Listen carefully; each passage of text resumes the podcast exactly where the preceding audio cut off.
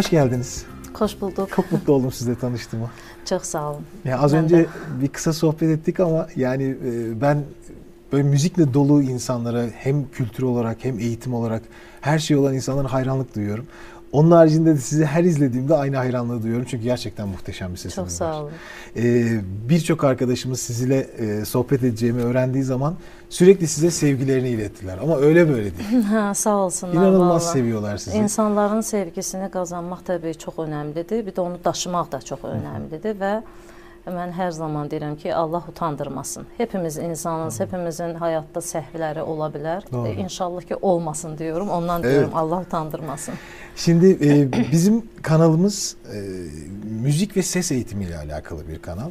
E, sizin de çok e, uzun bir eğitim dönetim, döneminiz var. Ben aslında biraz buradan başlamak istiyorum. Yani Türkiye'deki birçok e, insan sizi TRT'deki programınızdan, oradaki söylediğiniz şarkılardan Evet. tanıyorlar.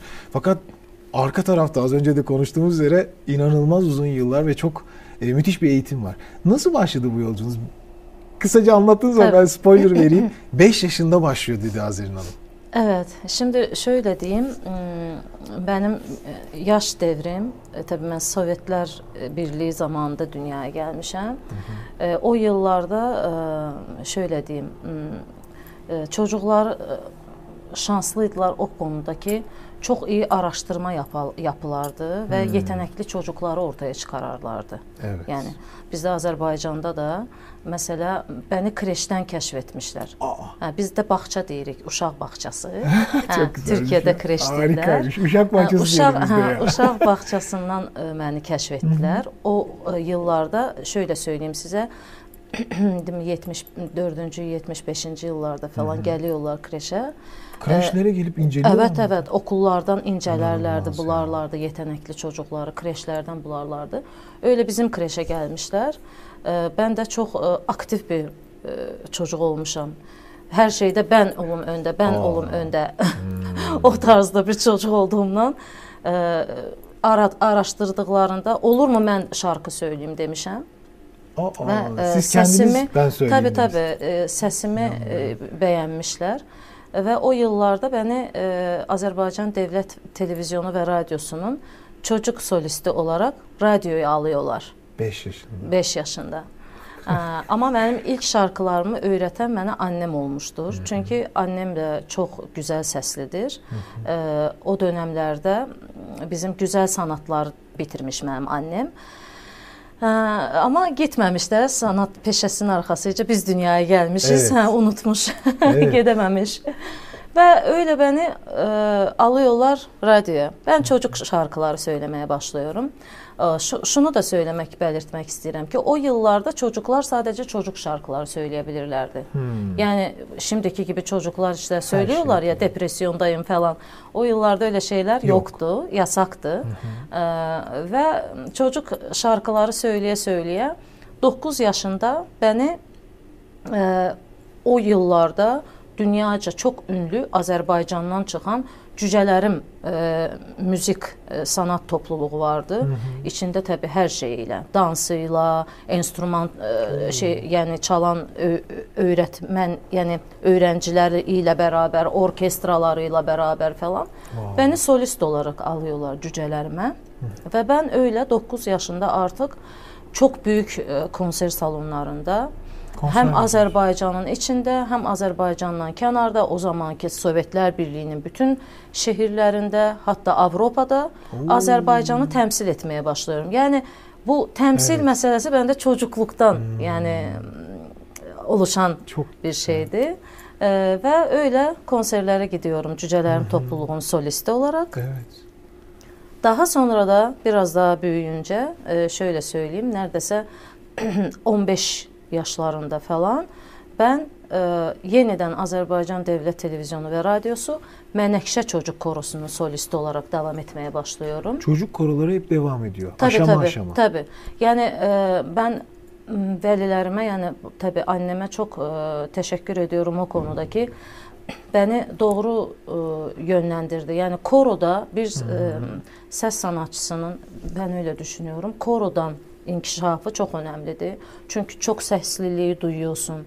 E, hatta şunu da söyleyeyim mesela benim hocam rəhmətli ə, Azərbaycanda bir numaralı hocalardan idi. Ə, Əfsər Cavanşirov ə, zaten Mənəşə Çocuk Korosunun ə, öyrətməni idi, Hı -hı. yəni və Azərbaycanda həm də bəstəkar idi. Ə, çox gözəl əsərlər yazırdı, bəstələyirdi. Amma öncə öncəliyi onun öyrətməni idi.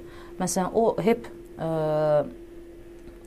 yəni məni sadəcə sanatçı kimi deyil, yəni həm də bir insan gibi yetişdirən bir hoca idi. Siz şimdi hoca düşünün, bilmirəm bu şimdiki dövrdə, dövrlərdə varmı elə hocalar?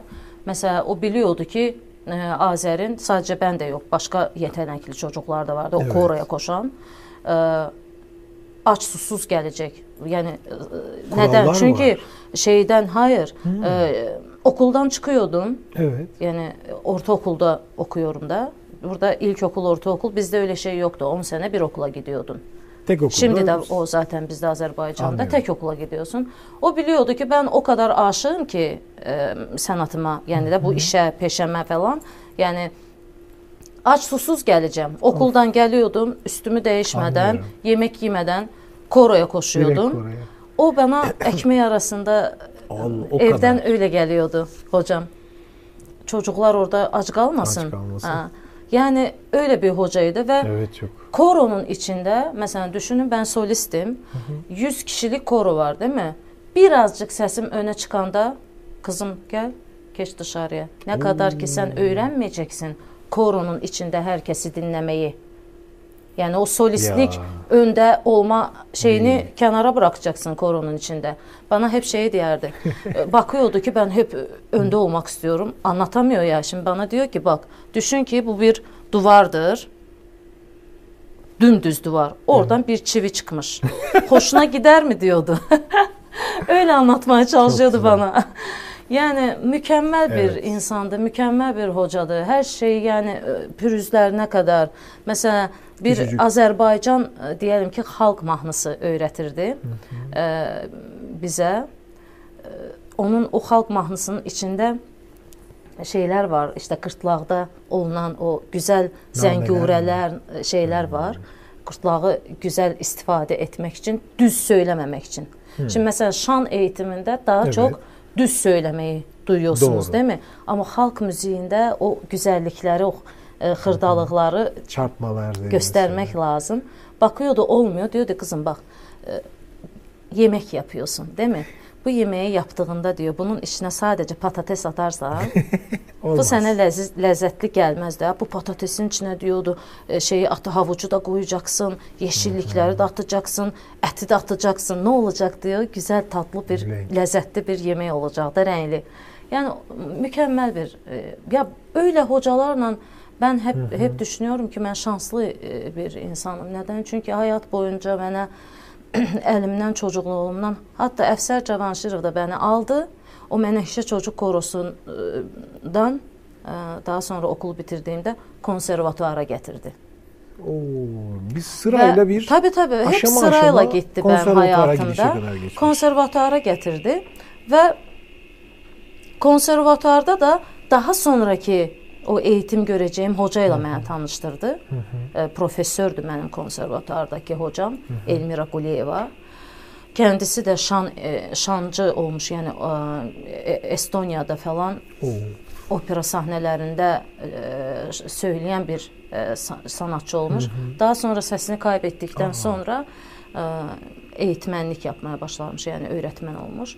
Ona gətirdi. Ona gətirdiyində də məni artıq xalqım tanıyırdı hocalar tanıyırdı. Çünki bütün Sürekli o dö dönemlerde hep televizyonda, hep insanların qarşısında. Hı -hı. Məsələn bu Mənəşə Çocuk Korosunun e, o dönemdə hər hafta konser şeyi vardı. Hər hafta ha, proqramlaşmış. Oo, yəni siz hər hafta konser Hər hafta konser yani. televizyonda. Of, bir buçuk of, saatlik mesela çocuk korosu konser yapıyor. Halkı da izliyor onu. Yani e, böyle xalqın önündə yetişdiyim üçün artıq səsimin də imkanlarını biliyorlardı. Hocalar evet. da beni tanıyordu.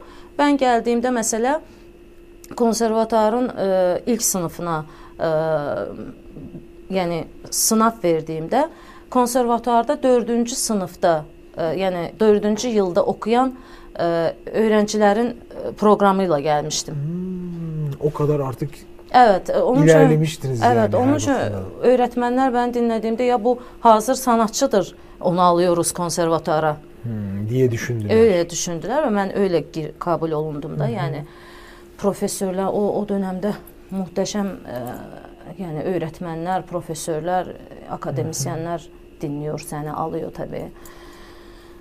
E, şeye. Yani ben şeyi e, şimdi çocuk korosunda yetişmek, çocuk şarkılarıyla büyümek e, bizde böyle şey gibi algılanır. Ben e, hep gelen öğrencilerimle derim ki işte ya bir çocuk şarkısı oku. Hani şu ya hocam çocuk şarkısı mı okuyacağız ya falan. aslında ne kadar önemli onlar biliyor Ben musunuz? gerçekten çok kıymetli olduğunu düşünüyorum. Evet, çox Yani- qiymətli. E, Çünki e, e, siz e, bir e, disiplini öyrəniyorsunuz.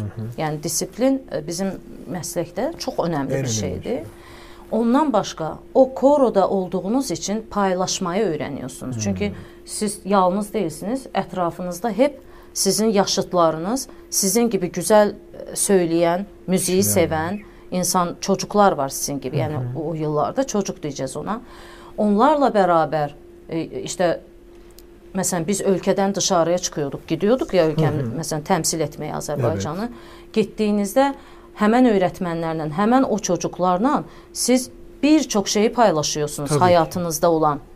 Bildiniz mi? Yani bu paylaşım, öğrenme, biri birinden öğrenme, takım oyunu gibi takım bir şey oyunu aslında. gibi. Hepsi. Bu çok çok önemlidir ve müziksel anlamda da, sanatsal anlamda da sizin inkişafınız için de çok çok önemlidir.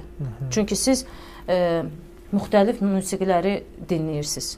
E, o sizin karşılıklı, o sizin arkadaşlık yapan e, sizdən iyidirsə, iyi rəqabəti, rəqabəti öyrənirsiniz. Doğru. Yəni rəqabət özü Kendinizi də geliştirebilirsiniz. gəlişdirirsiniz amma e, şey olmadan, Kıskançlık. e, kıskançlık olmadan e, bakıyorsunuz və siz də öyrənməyə başlıyorsunuz. Bunlar çocuklar için çox önəmlidir və ondan başqa da çocuk için şimdi biz mesela bakıyoruz bugün ben mesela çok he- heyfsleniyorum. Bakıyorum ya çocuklar mesela uğraşıyorlar büyüklerin e, Şarkılarını söylemeye çalışıyorlar. Onlar gibi. Çocuklar çocukluğunu yaşamalıdır. Oo.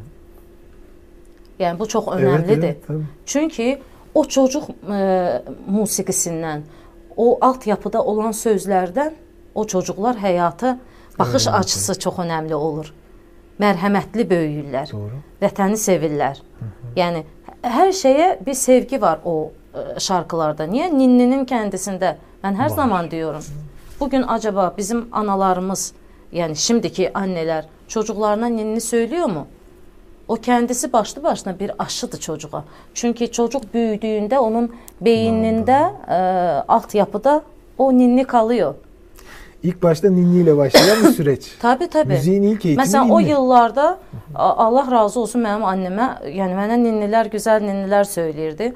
Daha sonra ben müziğe gittiğimde ben de o ninnileri söylemeye başlayırdım. Ha. O çocuk e, şarkılarını. Tabii. E, şimdi belə mesela e, ben evdeki çocukları, mən kardeşimin çocuklarına falan o şarkıları söyləyirəm.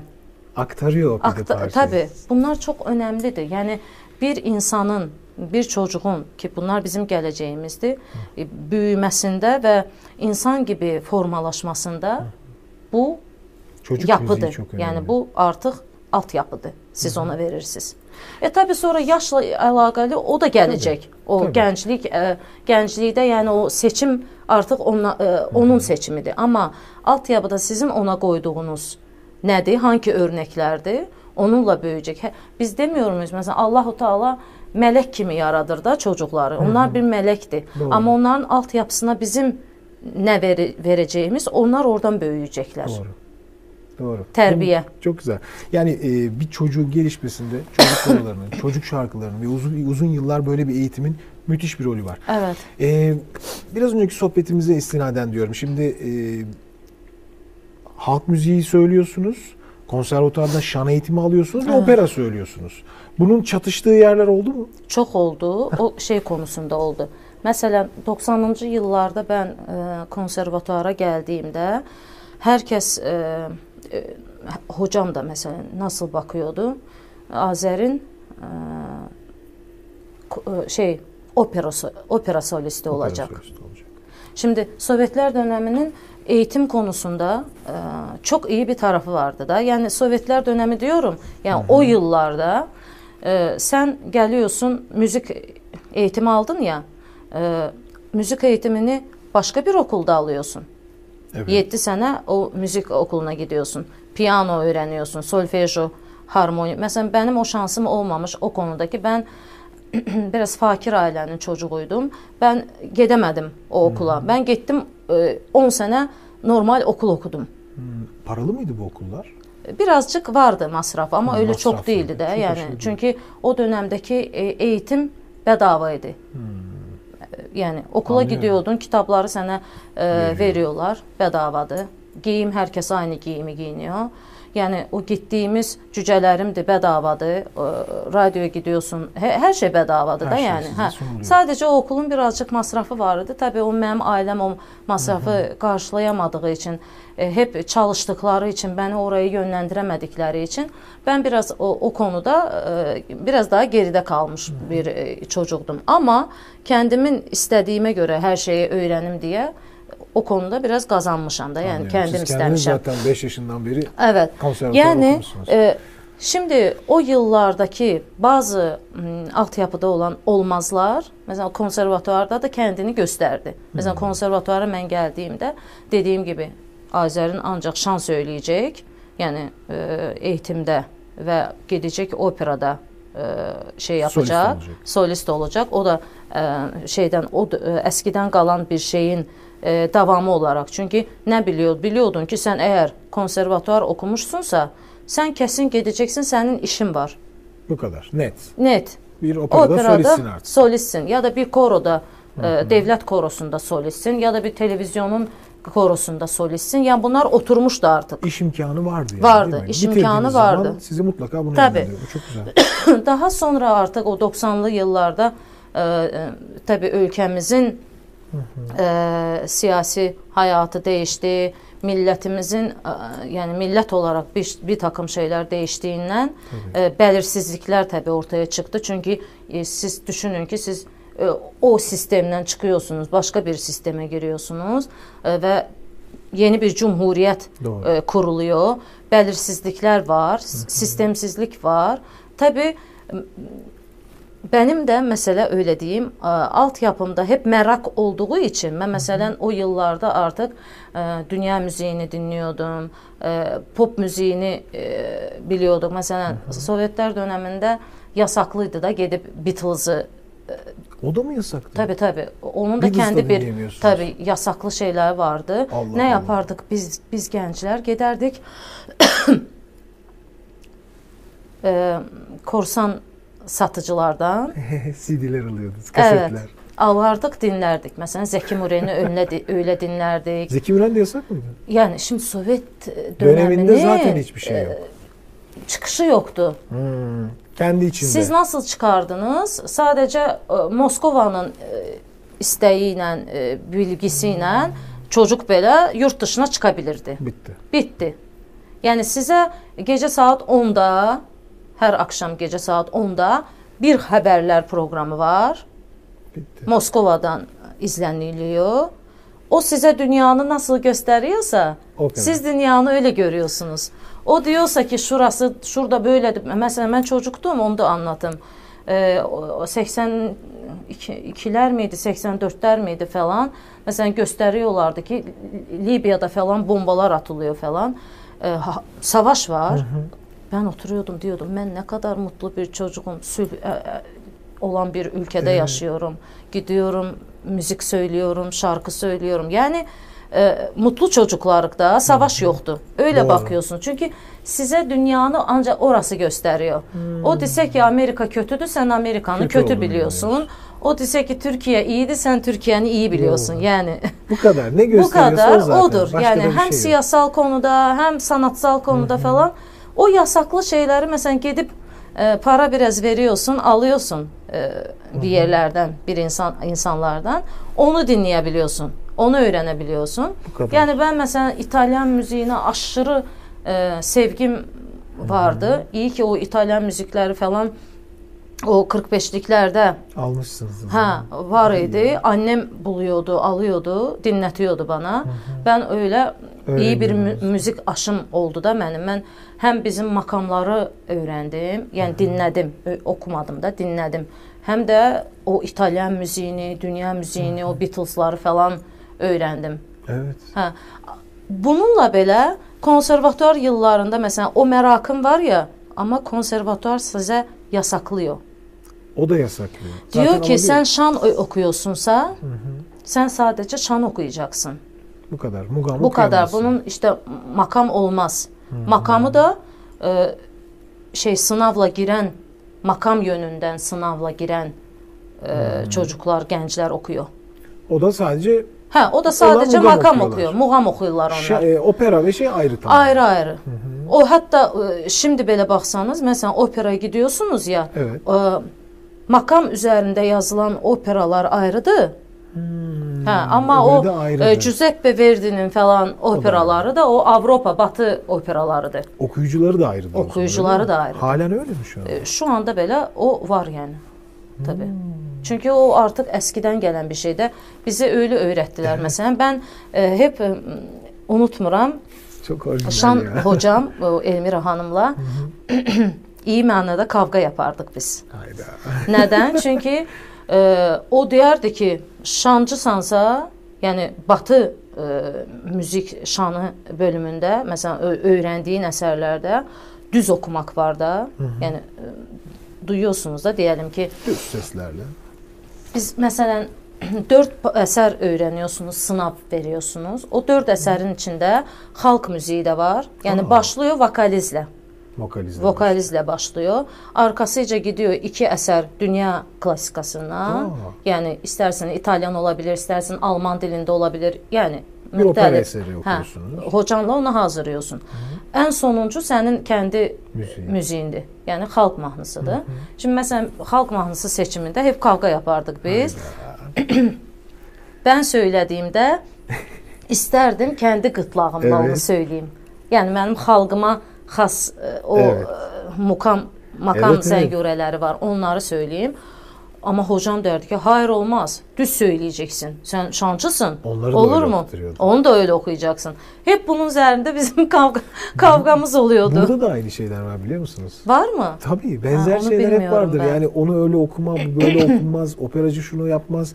Türk müzikçi işte Türk müziği böyle makamsal müzikle uğraşıyorsan e, onun gibi çalışma. Bu, bu kaosu bir türlü biz tam açamadık, aşamadık aslında. Benim hep dönemde biliyor musunuz ne olmuştur? Mesela o yıllarda da ben okuduğumda konservatuarda ben hep düşünüyordum ki e, bir, kimse bir inkılap etmelidir. Sanatçı özgür ruhlu olmalıdır. Yani e, özgür olduğunda bu bizim hayatımıza da yansıyan bir şeydir ya aslında. Yani yasaklar olmayanda sanatçı daha güzel şeyler üretebiliyor. Tabii İnsanlık- tabii yaratıcılığını insanlık artırıyor. için. Yaratıcılıqdır çünki. Siz onu kısıtlamaya başladığınızda o artıq heç bir şey ürətemiyor.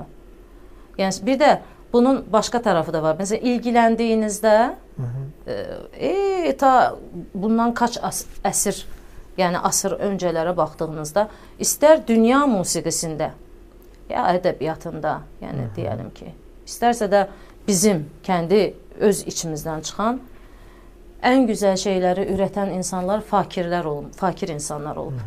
Valla diqqət etsəniz onların Çok həyat ilginç.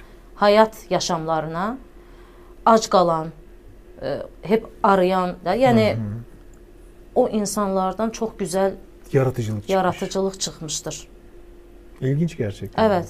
Mən məsələn çox oxumuşam da, yəni o e, istərsiniz o Mozartın həyatını, istərsiniz Beethovenin həyatını, hə, və yaxud da bizim öz içimizdən çıxan e, insanların məsələn həyatını e, bəstəkarların falan yoxluqdan gələn insanlar çox gözəl şeylər ürətmişlər və kəndlərindən sonra böyük bir tarix buraxmışlar. Yəni bir kadar miras. kurallarla yetişiyorsa insan o kadar yaratıcılığını yok ediyor. Ne Tabii, kadar tabii. kuralsız yetişirse o kadar Evet. da Yəni yaratıcılığı artıyor. Ben de hep e, hatta benim mesela şöyle söyleyeyim. Siz sordu- sordunuz ya biraz önce konuştuğumuzdaki konservatuarı bitirebildiniz mi bu kadar böyle? E, mesela ben e, dördüncü yılımda konservatuar 5 yıllıqdır bizdə konservatuar. Dördüncü yılımda beni dış, yani Gönderiyorlar. göndərdilər zaten. Aa, Hə. ne diyorsunuz? göndərdilər bəni. Hayda. Benim e, göndərilməmin səbəbi məsələ e, benim ixtisasım olan, yəni şan ixtisasım olan ixtisasdan nə qədər mükəmməldimsə, o qədər də altyapıda 7 sənə e, müzik okulu okumamamın da problemini yaşıyordum. Hmm, anlıyorum. Çünki e, konservatuara gələn Biri mənim bunları- gibi bütün mənim yaşıdlarım 7 yıllıq okulu bitirmiş gəliyorlardı. Tabii, Ben o okulu bitirmeden geldim. Evet. O tabii orada da ne vardı? Yine dediğim gibi bir önde olmuşluğum vardı ve sesime göre, sesimin kalitesine göre e, hocalar beni aldılar. Anlıyorum. Ama benim 7 sene herkesin okuduğunu bir iki senede öğrenmem gerekliydi ki ben onu Piyanosunu, öğrenme, tabii. öğrenemedim. Çok zor. Öğrenemedim. Zor Doğru. geldi bana ve beni Anlıyorum. dördüncü yılımda məhz e, piyanoda Tabii. güzel böyle kestiler diller bizde. Allah. kestiler ve bir gün ben e, konservatuara geldiğimde baktım gördüm ki adım yazılmış duvarda. Of. Dışlananların diye arasında. Ve Of. tabii hiç hiçbir şey bana yardım etmedi. Ben öyle Ne yaptınız peki? gittim. Devam ettiniz öyle. Gittim Gittiniz, ben. Tabii tabii. A, a, a- beni ayırdılar yani attılar da böyle diyelim. E sonra bitiremediniz mi? Bitirmedim. Ne oldu? Kaldı orada. Allahu Teala bana başka kapılar açtı. Ben o yıllarda Türkiye'ye geldim. Geldiniz. Hangi yıllara rastlıyorlar? O 93 yılına, 92 93 yılına denk geliyor. Ben Türkiye'ye geldim. Davet üzere, turnelere geldim, konserlere geldim. Bir orkestrayla, Azerbaycan'dan olan bir orkestrayla. Ve tabii bu benim hayatımda Allah Allah. bir dönüm ilginç ya. dönüm noktası oldu. Geldim, konserlere katıldım, e, Türkiye'yi tanıdım.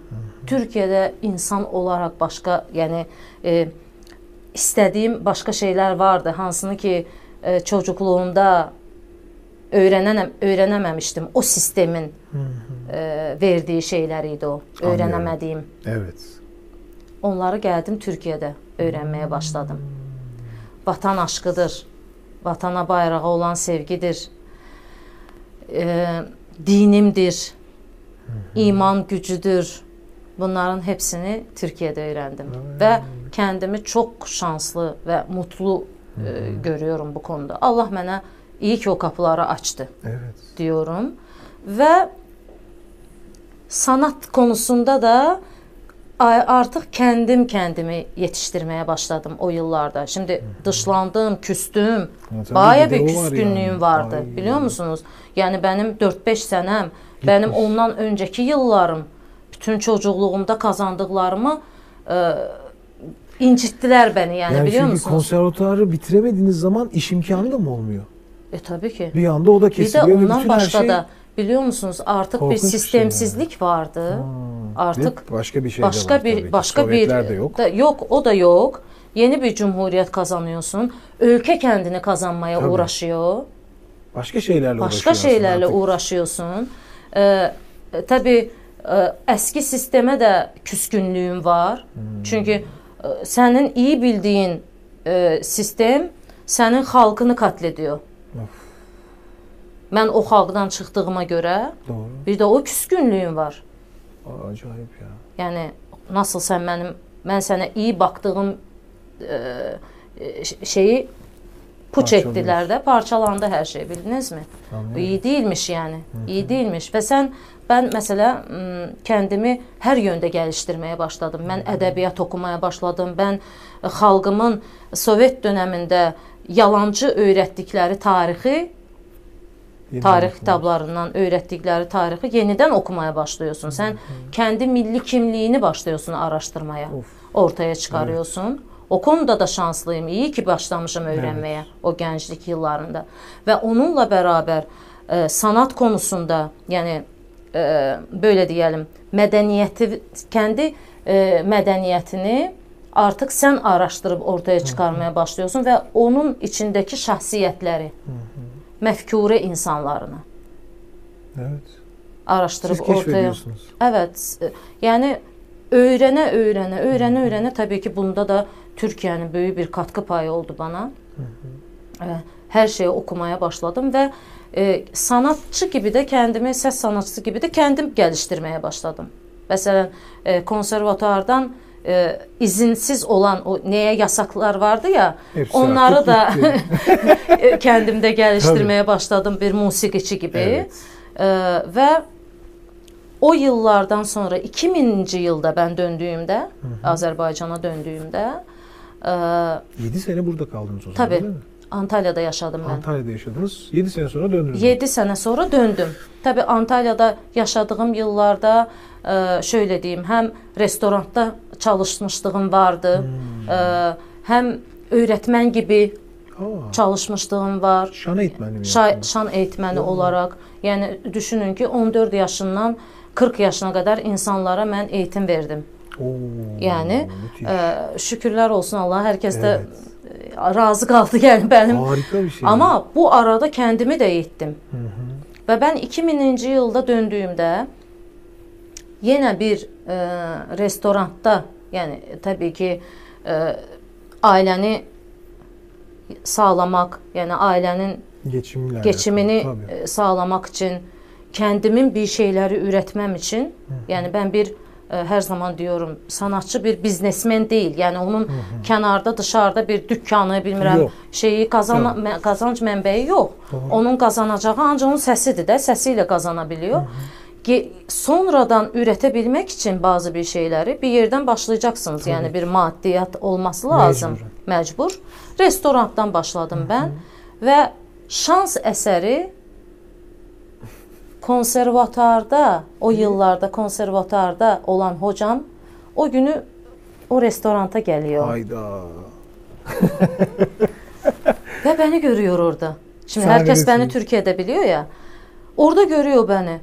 Geliyor, diyor ki, kızım, ben unutmadık da biz səni. Of. Sən mükəmməl bir səsin var. Gəl biz bunun altına bir də diplomanı da qoyalım. Yəni 7 sene sonra. evet. Oku, oku diyor. Oku. Olmasın da o boşuna gitmesin o yılların senin. Ben diyorum nasıl olacak? Evet. Yani ben öyle küstüm, gittim, incittiler beni. Yani böyle düşman gibi bir m- şeyim vardı da, mövqeyim var idi. Dedi yok, ben sana yardımcı olacağım dedi. Biz seni yeniden, e, ama artık nasıldı? O sistem ölmüştü ya. Evet. Mesela siz e, Sovyetler dönemindeki e, konservatuarı bitirdiğinizde Evet. e, yüksek lisansı da bitirmiş gibi oluyordunuz. Doğru. O 5 senenin içinde. Evet. Ama şimdi artık yeni bir yapılanma Yok artık var. Hı hı. Lisans Musiki oluyor. akademisi var. Hmm. O musiki akademisini bitirdiğinizde siz 4 sene bitirmiş gibi oluyorsunuz. Daha sonra yeniden sınav veriyorsunuz. 2 sene okumak için yine. Hmm, O yüksek, lisansı. lisansı ot- Tamam. okumak için. Dedi ki ne olur olsun dedi. Biz seni alalım ki sen diploma sahibi ol. Çünkü Hayda. yazık olur senin bu e, gördüğün eğitime, Doğru. verdiğin emeğe falan. Sağ olsun valla beni Geri aldı. geri aldılar. Kaçıncı sınıftan başladınız? Ben bir yıl okudum. Bir yıl okudunuz, bitirdiniz. Bitirdim. Zaten Ama dört sene a, eskisi gibi bitirmedim. 4 sene Hmm. bitirmiş gibi bakalavr diyoruz biz. 4 sene gibi bitirmiş oldum. Yine de Allah razı olsun vallahi. Yani bana yine de düzgün yön e, Allah yolladı da mənə o hocamızı. Yani İlk düzgün çıktığınız restoranda gene hocanızın olması sizi Evet gittim ama yine de Evet. kendi öğretmenimden eğitimimi bir senelik eğitimimi aldım Elmira Hanım'ın yanına. Of. Döndüm. Ben döndüğümde de o bana dedi ki ya dedi kızım dedi sen bana doğruyu söyle. Eğitim mi aldın dedi Türkiye'de. Hayda. Ha. Dedim hocam. Aa, Olamaz dedi. Sen almışsın bir eğitim. Vallahi dedim yok ben kendi kendime çalıştım. İnanmadı yani. E, Kendimi eğittim. Yani unutmamak için de o şeylerimi, o aldığım eğitimi falan unutmamak için. Dedi valla dedi bir başka bir olmuşsun. Artık değişmiş. Çok Allah büyük Allah. büyümüş sesin. Yani sanki birisi seni öğretmiş. Bir, bir iyi bir öğretmenin olmuş. O seni öğretmiş. Müthiş. Dedim yok hocam ben kendim öyrəndim, kendim hər gün üzərimdə çalışa-çalışa səsim paslanmasın da belə deyəlim də. Səsim biraz daha qammaları çalışıyordum da. Yəni o vokaliz dediyimiz şeyləri, Ses açmalar. şunlar. səs açmalarını ə, təbii ə, hər kəs kimi piano eğitimim olmadığı üçün O əsərləri, böyük əsərləri mən kəndi kəndimə çalıb oxuyamazdım. Amma o vokalizləri mən çalıyordum kəndimə. O, o o qədər bilgim vardı, yəni. Kəndi kəndimə eytə-eytə, məsələn, ə, o əski illərdə aşağı alt səslərim yoxdur. Hmm. Onu gəlişdirmişdim. Hmm. O o səsləri açmışdım kəndimdə. Ən pestələri Ən pestləri. Ə, məsələn, mən klaviatur sopranıyım Evet, siz aslında. klaviatur sopransınız. Aha. Din- Sizi izleyenler hep şunu diyorlar. Tiz Bir sorar səslərimi mısınız? duymuşsunuzdur məsələ. Tabii. Klaviatur soprano aslında ə, sizin səs böyüklüyünüzlə ölçülmür. Hmm. Sizin tembrinizlə ölçülür. Tembiri. Tembr, yəni ə, səsin ə, nasıl deyim ki, doğru olsun. Ə, səsin rəngi ilə, Ha, tamamen Evet. renkle alakalı. rənglə əlaqəli. Sizin söylədiyiniz o 3 oktav mı söylüyorsunuz? Onunla deyil. Bir yönümü yok onun. Hə. O O, soprano səsin yapıyorsunuz. rəngi ilə Anlıyorum. əlaqəlidir. Səs rənginə görə mən klaviatur sopranıyım. Hmm. Çünki böyle bir şey də var. Məsələn, siz bu gün mezzo sopranoyu da Evet. dinləyə bilirsiniz. Tamam. O da benim o söylədiyim notaları söyləyə bilir. Hmm.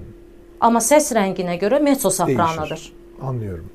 Bildinizmi? Yəni evet, evet. ona görə ə, məsələn mən alt ə, altolarımı da gəlişdirdim Hmm. ki, o notalarımda olsun. Çünki mənim ən ağrı, ağrıyan yerim idi o. Kalın sesler. Kalın səslərim yoxdur mənim. Şu an çok iyi kullanıyorsunuz. Şu an yəni o gəlişdirə gəlişdirə kəndimi mən onu onu da yapdım. Tizlərimdə də məsələ ə, klaviatur sopranıyım ya, səs rəngimə görə çox cingiltili bir səsdir. Yəni ə, belə ince, deyim də çok çox tiz, incə, anlıyorum. çox tiz. Bəzən insanlar deyir ki, ya kulağım dəli, dəlindi. Yəni insanlara bəzən o şey gələ biliyor. Onu da kəndimdə ə, şey yap, yəni öyrənə-öyrənə, araşdıra-araşdıra uğraşdım ki, çox da belə qulağı dələn Aa, bir ə, renk şeyə olmasın. Hə, rəng olmasın. Nədən? Çünki mən çocukluğumda böyle ağaclara dırmanırdım. Çok Biraz hikaye var sizde Oğlan gibi böyümüşüm də ben, oğlan gibi, oğlan çocuğu gibi.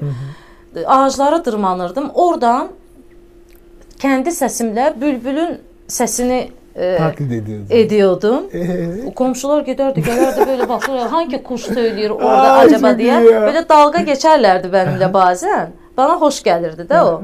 Ama tabii ki sizin e, ben her zaman diyorum. Mesela benim e, bir şeyi atıp başka bir şeye geçiyorum ama bunu da söylemem lazım unutmadan. Mesela benim hocam e, konservatuvardaki hocam hep derdi bana sen operada büyük sahnelerde yani gel, geldiğimde hasta geldiğimde hep kızardı.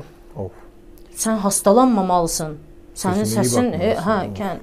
Ben de hocama hep e, ben hocamla sonuncu yılda o beni dışlanmadan yani o atılmadan ki yılda arkadaş oldum. Aa. Onu da söyleyeyim size nasıl oldu. Ben senelerce içimde olan bazı problemleri hocama anlatamadım.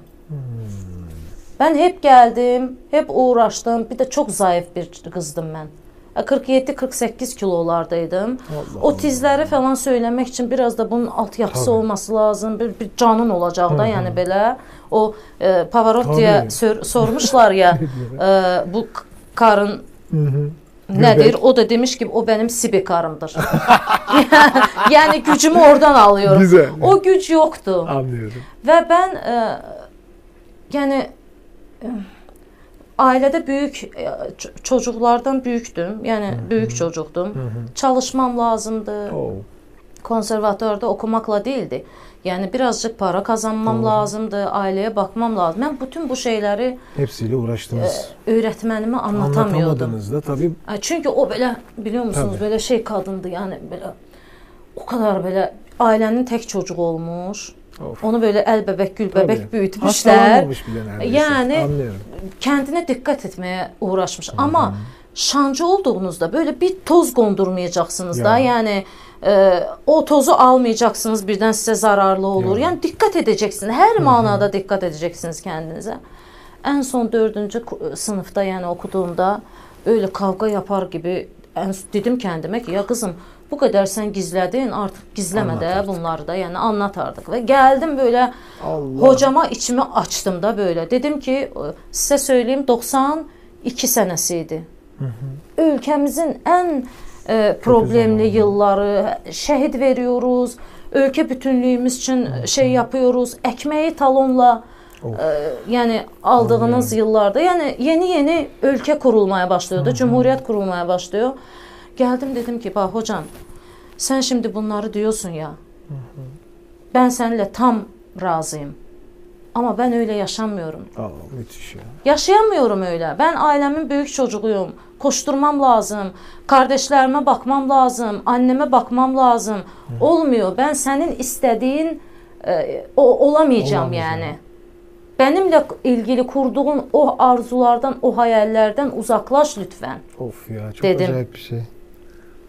Ve orada birleştik. Aa, E, Yani Anladı en sizi. sonunda anladı Ha, da tamam beni. artık. Bildiniz mi? Yani tamam artık da yani bu kızın da kendine göre çizdiği bir e, artık e, Hmm. Yol var. yol var, düşünce var. Yani ne yapsın bu da gibisinden oldu. Ve 2000. yılda ben döndüğümde, yine gittiğimde hocama o bana dediğinde ki yani ne kadar geliştirmiş. çok geliştirmişsin. Yani o ben o şeyler vardı ya diyor böyle e, istemediğim o sesler vardı diyor sen diyor. Hepsi itmiş, gitmiş, yani büyümüş falan. Dedim bak e, hocam o zaman seninle bir şeyde anlaştık ya. Sonra gittiğimde seninle o anlaştığımız yoldan gittim. Vay be. Yani e, dünya müziğini dinle, popla klasik müziği sentez, hep severdim ben o şeyleri. Halk müziğiyle e, klasik müziğin sentezi, o senin dediğin bu olmazları ben yapmaya başladım. Kendimde keşfetmeye başladım. Ve bugün senin önünde duran e, Azer'in e, artık kendi çizdiği, Yolunu yolunu artık. çizdiği bir Azerindir. Ve bana kadın döndü dedi ki kim bilirdi dedi kızım ki e, o yıllardan yani o dönemlerden bugünlere Bugünlere geleceğiz de yani. Vay be. Yani gelin böyle konuşalım, açık konuşalım. Biz e, dünyada bakıyoruz, dünya klasik müziğinde, opera səhnəsində gördüklərimizi bugün bizim ölkəmiz yaşayamıyor o şeyi. Yani tabii var. Evet. E, Şimdi düşünsək ki, e, Türk İslam coğrafiyasında ilk operayı bəstələyən Üzeyir Hacıbəylidir. Mənim məmləkətimdən Doğru. çıxmış bir böyük bəstəkar. Bir filosof, sadəcə bəstəkar da deyil. Kamera müziğini ölkəndə qurmuş, opera müziğini qurmuş, orkestra altyapısını bütün notalarıyla. Yəni bizim şansımız biraz da odur ki, Üzeyir bəy makam üzərinə dünyanın batı müziğini almış, qoymuş, birləşdirmiş. O da belə bir sintez yapmış bizə Doğru. bahş etmiş bir miras bırakmış. Bütün ölkəmdəki və Türk İslam coğrafiyadakı e, e, ilk kurucu Üzeyir bəydir. Evet. Çok ilginç. Değil mi? Doğru doğru. Ama ama daha sonradan operadaki sanatçılar bir yoksulluğa maruz kaldı. Çünkü insanlar operaya gitmiyordu, operayı dinlemiyordu. Operada çalışan sanatçıların geliri yoktu. Ve işsiz kalıyorlardı tabii ki. Maaşı çok küçük. Ne oluyor? Hatta Pavarotti'den bir gün soruyorlar ki diyorlar yani siz belə operalarda sahneye çıkan büyük bir sanatkar nasıl oldu da geldiniz o Solomia söylemeye başladınız? Var. Bak Pavarotti'nin mesela bir e, reportajında soruyu Aa, ilginç mesela. bu. Soruyorlar ona diyorlar ne oldu da e, o da diyor ki dünya artık o hale geldi ki insanlar gidip de bir saatlik, bir buçuk saatlik e, senfonini, e, operayı dinlemek istemiyorlar. Konser dinlemek istiyorum. Konser, Küçücük. küçük bir şey istiyorlar. Ben de Opera. sen kendimi denedim ve baktım ki başarılıyım. ve dünyaya artık bu müziği bu tarzda sunmaya başladım. Bakın YouTube'da mesela Tabii, girdiğimizde yüzlerce konserleri var. Doğru. Değil mi? O türlü konserler. O söylemiyor. Küçük küçük. Mesut Dorman. Evet. Okuyup okuyup. Ve müthiş de seslendiriyor. Tabii. Yani bir insan bunu verebiliyorsa dünyaya niye yapmasın? Tabii. Ya bu mecbur mu hep gitsin e, opera? Onu da yapıyor ama bunu da yapmış. Ve alkışlanmış ve dünyaya kazandırmış. Dünya müziğine kazandırmış. Bir devrim yapmış aslında. Devrim yapmış o da kendi Belki de sahəsində. izlenmesi, Evet. ilgisi azalmaya başlayan bir şeyi yeni bir formatla Evet, evet. bütün dünyaya tabii zaten Pavarotti'den minlərlə, sonra- milyonlarla e, insanı stadyumlara yığmış Doğru. və kazandırmış yəni o Doğru. operalardan, o operetlərdən küçük əsərləri, o oradakı belə deyim də, e, solistin e, bir kahramanın söylədiyini simfonik e, orkestrlə konserlərə qoymuş və biz bu gün pəhpəhlə e, Evet. onu e, dinliyoruz və seviyoruz. Doğru. Maalesef ki bu bir acı gerçek. Hı hı. Tabii biz baktığımızda Monserrat Caballé'nin mesela e, diyorsun ki e, kadın gidiyor, gidiyormuş konserlere 200 bin avroya, ne bileyim Tabii. 300 bin avroya ama bir gerçek de var. Senin memleketinde bu yoktu da. Hmm. Senin sanatçın bu paraları gidip de kazanamıyor. Hı, bir de o var. Onun için benim öğretmenim döndü dedi bana ki sen e, zamanenin kendi devrinin Hı hı. çok düzgün bir e, yolunu çizdin Hı hı. ve maşallah da Müthiş bir şey. kazandırdın yani. Evet. Hem kendin kazandın, hem kazandırdın. Mesela Cavit Bey az önce dedi ya, restoranda ilk sanatçı olarak Evet. e, operalarımızdan, Restoranda opera okuyordunuz. operalarımızdan o Pavarotti'nin Operetlerden. olduğu gibi operetlerden e, parçaları alıyorduk altyapıda sintezle Hı hı. ve bu insanlara hoş geldi. Hoş geliyordu. Onlar beni öyle sevdiler. Tabii şimdi e, Türk dünyasında ben çırpınırdın Karadeniz'de sevilebilirim. Evet. Ama altyapıda benim yapabileceğim Çok şey var. çok şeyler var ki onları yapamadım. Ya onu da gibi söylemek lazım yani. Tamam bir inkılap ettim. Bir Doğru. çizgi oldu öz ülkemde. Bunları e, oralarda yani restoranda yapmak lazım. Tabii da, daha sonra gittim o o şeyden. Çünkü e, ben değildim de o. Yani o sahne e, benim değildi. Siz de değişim yaşıyorsunuz sürekli. Tabii tabii. Yani biz de insanız kendinize yani. bir yer ve format Biliyor arıyorsunuz. musunuz? Biz Çok bir insanız. şey ya. Biz bugün desem ki mən mən mükəmməlim, öyrəndim. Mən mükəmməl də deyiləm, öyrənmədim. Çünki insan yaşadığı sürəcə öyrənir. Devam ediyor. Tabii. Öyrənməsi lazım ki, kəndini həm insan gibi gəlişdirsin. Həm də sanatçısansa, istiyorsun yani daha böyük ufuklar e, çizmek istiyorsun. Mesela ben e, bana bugün sorsalar, Azərin e, şimdi ben böyle diyeyim de yaşımı da gizlədən deyiləm. 48 yaşına girdim. Gençsiniz. Şükür Allah gəncim gözüküyorsunuz. ikinci baharımı, həyatımın Ay. ikinci baharını yaşamaya başladım.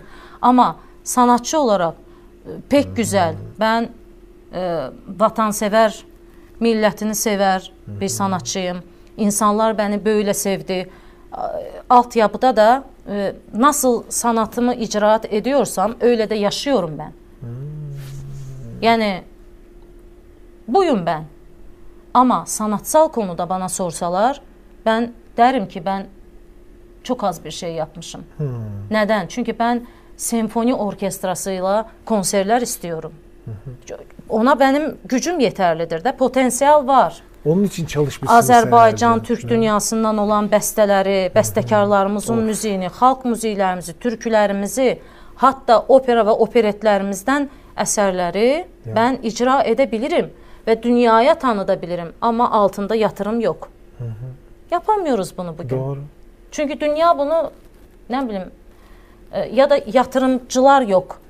iyi müziğe, iyi sanata yatırsınlar da. Belki de olur bilemeyiz. İnşallah. Bunları yani her şey bitmiş bence- değil ama bugün kendi içimizde biz bunu çalışıyoruz. Mesela Cavid Bey'le e, oturuyoruz, düşünüyoruz. E, Azerbaycan'a gittiğimde e, m- musiqiçilərlə görüşdüyümdə e, çox iyi potensiallar var və bu gün də ürətici, gözəl sanat insanları çıxıyor. İstər Azərbaycandan, istər Evet. Türkiyədən.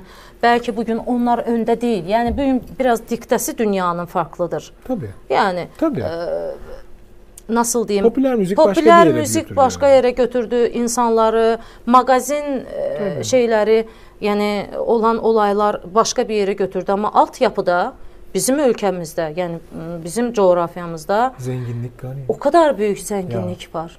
O kadar güzel kıtlaklarla çıkan ses sanatçıları, musiqiçilər var. Doğru. Bir bakıyorsunuz insanlıq, yəni xalq onları bilmir, amma biz sanatçıyıq ya, arıyoruz, buluyoruz, araşdırıyoruz və qürur duyuyorum. Məsələn, baxıyorum, diyorum ki, yox ya, ölməmiş. ölməmiş. Hələ də çıxıyor ortaya. Çünki Öyle. topraq yetiştiriyor yəni. Tabii. Ve işte bir kanalda o kadar çok e, Azerbaycanlı şarkıcı dinledim ki ben e, büyük çok hayranım. Yani gerçekten çok hayranım. Çünkü hem bizim okullarda e, öğrendiğimiz tekniği, şan tekniğini doğal bir şeymiş gibi kullanıyor. Evet. Ben buna hayranım. Nasıl oluyor Evet. bu inanamıyorum. Yani Maşallah. Evet. Müthiş bir şey. Yani bütün genç arkadaşlara da hep öneriyorum. Diyorum ki yani eğer gerçekten şan öğrenmek istiyorsanız Azerbaycanlı şarkıcıları dinleyin ve şarkılarını öğrenin. Çünkü çok doğal bir şekilde teknik öğreniyorsunuz. Evet. Ba- Bu Mən bu gün belə TRT-dəki məsələn proqramlarımda, TRT Avazda sunduğum proqramlarda məsələn daha öncələr bizim yəni bir e, şeydə bir məfkurə var. Yəni məsələn e, Türk dünyasında sanatçıları biri-biri ilə tanışdırmaq. Yəni biz tanımıyoruz bir-birimizi. Məsələn Sovet dövrünün iyi tarafı vardı. Nədən? Çünki o 15 respublika diyorduk biz. E, bütün konserlərdə, bütün televizyon proqramlarında Bir araya mı biri-birimizi buluştururdular. Biz məsələn bilirdik ki, Kazakistanda bir Roza Rımbayeva var, Özbəkistanda bir Yallı qrupu var. Onlar biliyorlardı Azərbaycanda kimlər var. Məsələn Qaya qrupu var, Zeynəb Xanlarova var, Rəşid Behbudov var. Doğru. Biz bir-birimizi tanıyorduk və sanat alış-verişimiz vardı. Sonra bu öldü. Tabii. Getdi, Ki aslında özgürlük getdi. var şu anda. Bunu biz məsələn mən TRT-də bunu çox ə, şükür Allah, Allah razı olsun da TRT də bunu sağladı. Məsələn Qazakistandan sanatçıları gətirməklə, TRT-də ə, çıxarmaqla ortaya insanlar tanısınlar, Evet. Azərbaycandakiləri tanısınlar. Təbii şimdi maşallah sosial media, internet var. İstəyən insan girər, oradan da bulur. Özgürlük Amma inanılmaz. e, başqa həyat şeyləri də var, təlaşları var. M- Sabah e, çıxıyorsun, işə koşuyorsun, axşam gəliyorsun işdən, çocuk, ailə falan zamanı bul bulamayan insanlar da var. Bizim amacımız Evet. bunu ortaya çıxarmaq, ə, məsələn proqramlarımızda buluşturmaq və ə, buraya, buradakı insanlara ə, TRT-nin arşivinə bizim əsərləri kazandırmaq. Məsələn mən mən çox acı çəkiyorum bəzən ə, bəlli proqramlarda Neden? bir sarı gəlin üçün anonim yazılanda, bir mənim bəstəkarımın ismi unudulanda Böyle Doğru. olmaması lazım. Doğru. Biz o kadar iyi tanımalıyız ki birbirimizi. Mesela ben bir Sezen Aksu'nun eserini, e, şarkısını ifa ettiğimde və yaxud da Zəki Müren repertuarından nəsə ifa etdiyimdə və yaxud türkü ifa etdiyimdə o kadar araşdırıyorum. Türkünün belə altyapısını araşdırıyorum. Diyorum ki bu xalqın içindən çıxan türküdür. Bunun bir hekayəsi vardır ya. Doğru. Onu bileyim mən ki ifa etdiyimdə o hissiyatı tamaşaçıya, izləyiciyə də keçirə bileyim də. Bunu hər kəsin etməsi lazım. Olmamalıdır anonim, yoxdur anonim. Var xalqın əsəri. Siz ona anonim yazdığınızda küstürürsüz də o xalqı. Doğru. Bildinizmi? Yəni bizim amacımız Siz bir şey söyleyeyim mi? Size sorulan bütün soruları anlattınız biliyor musunuz? Öyle ben mi? size hiç soru sordum mu? Farkında mısın? size soru falan sormadım Bazen ben. ben konuştuğumda Müthişsiniz. Cavit Bey diyorum ki beni durdur arada durdur. Ama yani şimdi e, burada yaptığınız çok güzel bir öğretmenlik yanınız var. O kadar belli ki bütün konuları öyle bir anlattınız ki kitap gibi ön söz yaptınız. Orta bölüme geldik. Ama biliyor musunuz bizim biz sanatçıların amacı e, və qayəsi sadəcə şarkı söyləmək olmamalıdır. Tabii bu ola bilər kimi üçün mən hər zaman diyordum ki annem işe gidiyordu Sovet döneminde. Sabah gidiyordu 7'de, kadıncağız geliyordu 6'da. Biz annemi görüyorduk, babamı görüyorduk. Yani a, hayat e, Herkes telaşı içinde koşturma. Ben hep anneme bakıyordum diyordum anne ben senin gibi yaşayamam. Her gün aynı işi nasıl yapmak olar? Şimdi düşünün siz sanatçısınız. Her gün aynı bara gidiyorsunuz. Şarkıları, Sürekli yeni aynı şeyi şarkılar diyorsun. söylüyorsunuz. Veya aynı restoranta gidiyor, aynı şarkılar söylüyor. Hayatınız böyle geçiyor. Hiç ne kazandırdınız siz Hiç. kendinize veya sizi izleyenlere, insanlara? Doğru. Hər insanın mən düşünüyorum ki, Allah Taala bizi ya, ya, e, dünyaya gətirmiş. Hər kəsin genetik kodu var da, barmaq izi var, değil mi? Hamımızda ayrıdır. Və yaratdığında da bizi hepimizin içinə bir Farklı Bir- ruh. farklı ruh buraxmış, değil mi? Tabii öz. O ruhla biz hangi mesajı veriyoruz dünyaya? Ne veriyoruz? Doğru. Değil mi? Tabii. Bugün bu interneti izliyoruz. Biri o interneti izliyor, katil oluyor, affedersiniz. Biri de o interneti izlediğinde o kadar güzel, mükemmel alttan şeyler öğrenip çıkarıyor ki bakıyorsunuz dünyaya müthiş şeyler kazandırmış. Doğru. Bizim de sanatçıların da kazandırmamız lazım. Aslında her insanın bir şey bugün kazandırması mesela lazım. e, mənim ölkəm müharibə öl şəraitində yaşayan bir ölkədir, değil mi? Ben hələ də mənim ölkəm şəhid veriyor. 21-ci yüzyılda yaşıyoruz. Hələ də mənim ölkəm şəhid veriyor. Bu benim bəlam deyil. Bu benim milletimin başına e, açılmış, örülmüş bir bəladır, amma ben de bir millət olaraq toprağımı e, kazanmaq istiyorum, değil mi? Doğru. Bayrağım üçün ölərəm, toprağım üçün ölərəm. Bu normal bir şey ama bunun için de ben sanatçı olarak ne yapıyorum acaba ülkem için? Ben gidiyorum sınırda askerime konser veriyorum. Onun moral yüksekliği için, kendini yalnız hissetmemesi için, o işi əbəs yerə, yəni o canını əbəs yerə fəda etməməsi için gidiyorum yanına. Evet. Çünki mənim millətim o. Dediyimdə də sadəcə Azərbaycanı görmüyorum ha. Türkiyəni də öyle görüyorum. Bugün Türkiye de şəhid veriyor. Ama kazandırdıklarımız budur bizim sanatçı olarak da. Yoksa tamam herkesin öz yaşam biçimi var. Heç kimsenin yaşam hayatı ilə də mənim e, ilgim yoxdur. Amma mən, mən nə yaptım? Ona baxıram. Nə örnek oldum mən? Nə yaptım? Kəndimdən sonra nə qoyacam mən gələn nəsilə? Biz bugün gənclikdən e, narazı deyirik də biz. Yəni e, bəyənmiyorsak gəncliyi, e, biz baxacağız ki, biz nə yapdıq Biz ki, o gənclik iyi olsun. Demin dediyim gibi. Sən çocuğuna hangi aşını verdin? Söylədinmi ninnini? Öyrətdinmi ona evdə bazı şeyləri? Yəni çünki o mələkdir, sən onun içinə qoyuyorsun. Sən onu nasıl yetiştirdiysən, o öyle olacaq. Sanat da budur. Biz bugün oturup dünyadan məsələn örnek gətirəcəm bir Mozart'ı dinlediğimizde şoke oluyoruz ya. Öyle bir şey yaratmış ki insan. Əsrlər bitecek, biz öleceğiz, gideceğiz. O eserler Devam yaşıyor. edecek. Hangi yaşta yapmış adam o Beethoven, o e, affedersiniz 5 yaşında, 6 yaşında üretmiş. Bugün de dünyada bizim milletimizin içinde onu üretenler var. Niye biz bunları çıkarmıyoruz ya öne? Niye bir katkı sağlamıyoruz dünyaya? Var ama içimizde. Demek Onları belki sistem- çıkarmamız lazım Evet, ortaya. çok haklısınız. Yani ülkemizin, milletimizin e, kötü e, tarafları her millette var bu.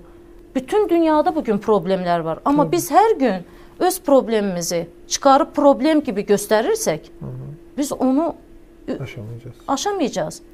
Biz insanlarımıza iyi şeyleri göstermemiz lazım her sahede. Kosmos ama e, yönlendiriyorsun. Yönlendirmen lazım aslında. Çünkü dünya bugün artık Orada. başka bir dünyadır. Doğru. Değil mi? Değişiyor, Sanat sürekli konusunda, edebiyatta, heykeltaraşlıqda, rəssamlıqda. Amma bugün dünyaya bakıyorsunuz. E, tamam mən səs sanatçısıyım, amma sanki dünyada ancaq səs sanatçılar var. Mən Azərbaycanda da bunu diyorum ya. Araşdırın, ortaya çıxardın. Rəssamlar var mükəmməl. Biz bugün bir film henüz Türkiye Azerbaycan olarak çekememişiz Ya. beraber. Ama yapmamız lazım. Çünkü film, sinema, belgesel bir psikotron alettir. Bak, büyük dünya ülkeleri onu yapıyor. Biz de oturuyoruz, Rainbow'u izliyoruz değil mi? Doğru. Biz de üretebiliriz. Biz de tarihimizle ilgili, müzik tarihimizle ilgili e, yapabiliriz. E, e, hiçbir şey elemental bir türküyü alıp onun altyapısını, e, hekayesini ortaya koysanız büyük bir milletin e, tarihini anlatmış olursunuz Doğru. dünyaya. E, biz niye yapmıyoruz acaba bunu? Niye hep e, e, problem arıyoruz bir yerlerde? Kötülemekle uğraşıyoruz. Kötülemekle Her şeyi çok- uğraşıyoruz birbirimizi biz. Ben her e, gençlerle görüştüğümüzde diyorum ki e, ben de gencime, gençler diyorum. yani. Yani ama Sizden daha azıcık ama hə, diyorum ki sadece ülkenizin içiyle ilgileneceğiz tabi. Ama Gitməyin ya o kadar dərinə. Biraz dışarıdan bakın hər şeyə. Ölkənizə də dışarıdan bakın.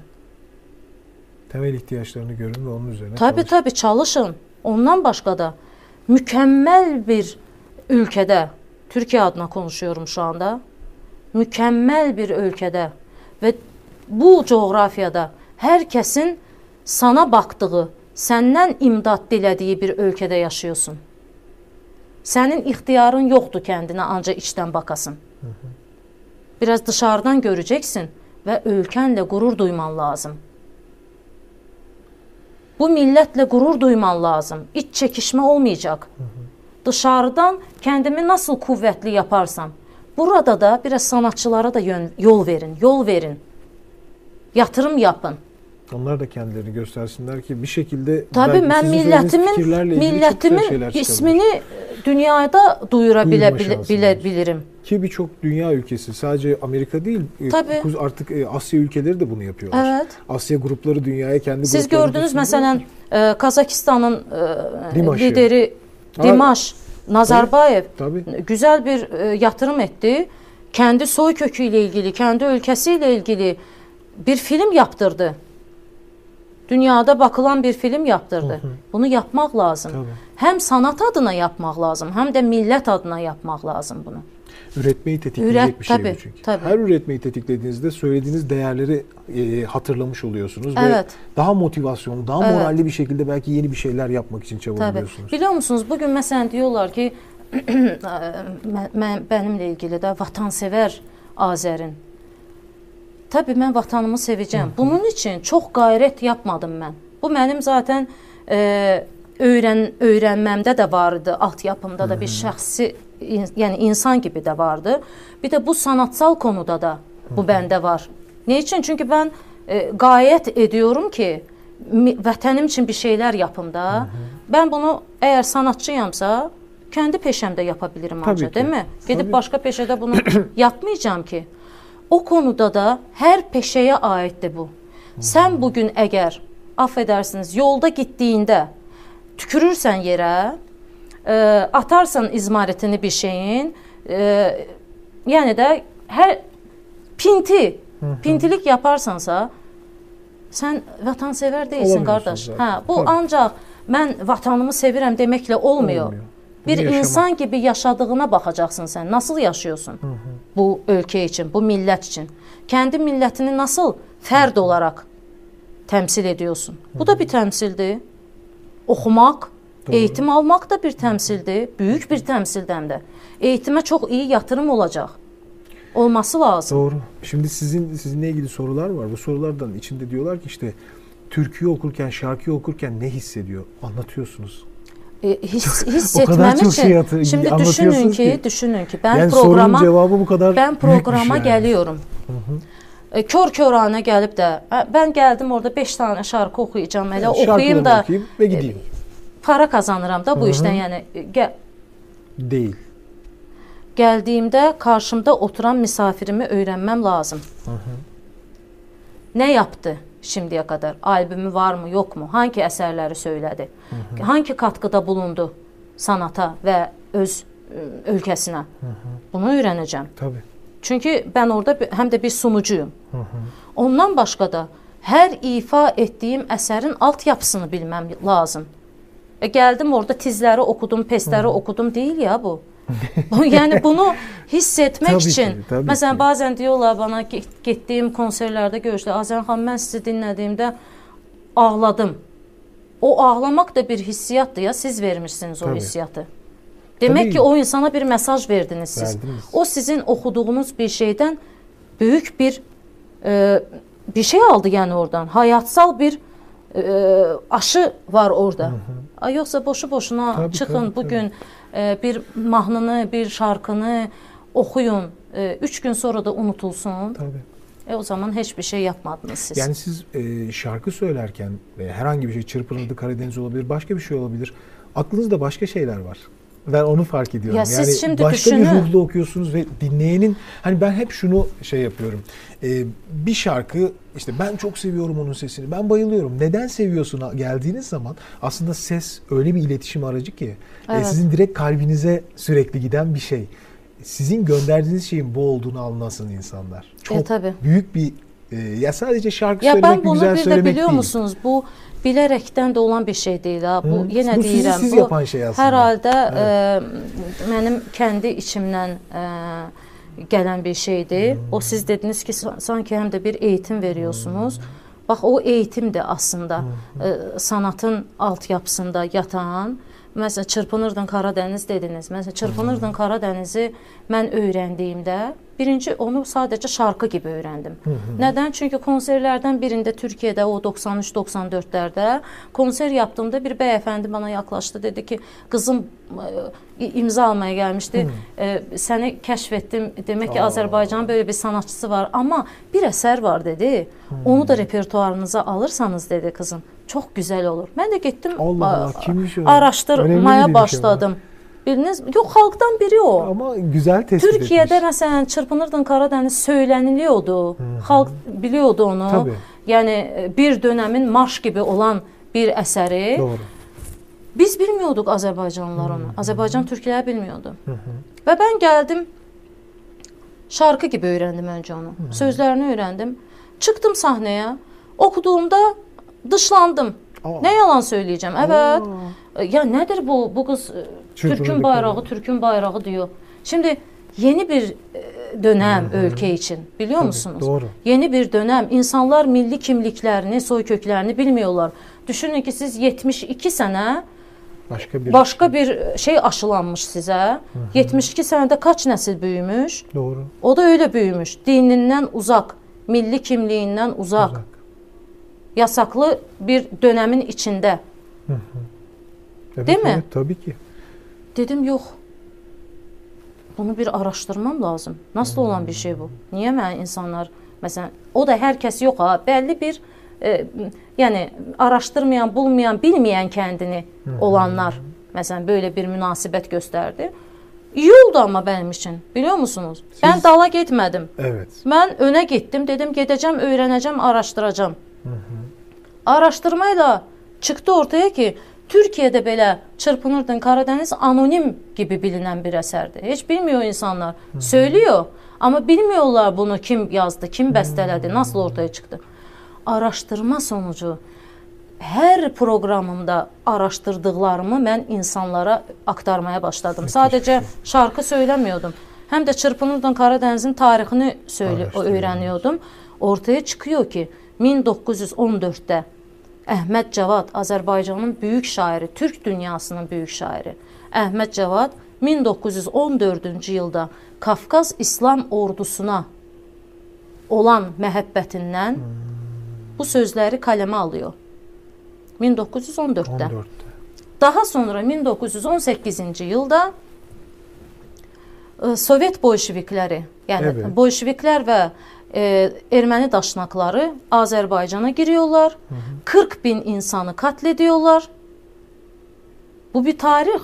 Evet. Bunu girin, oxuyun, öyrənin. Bizim tariximiz bu.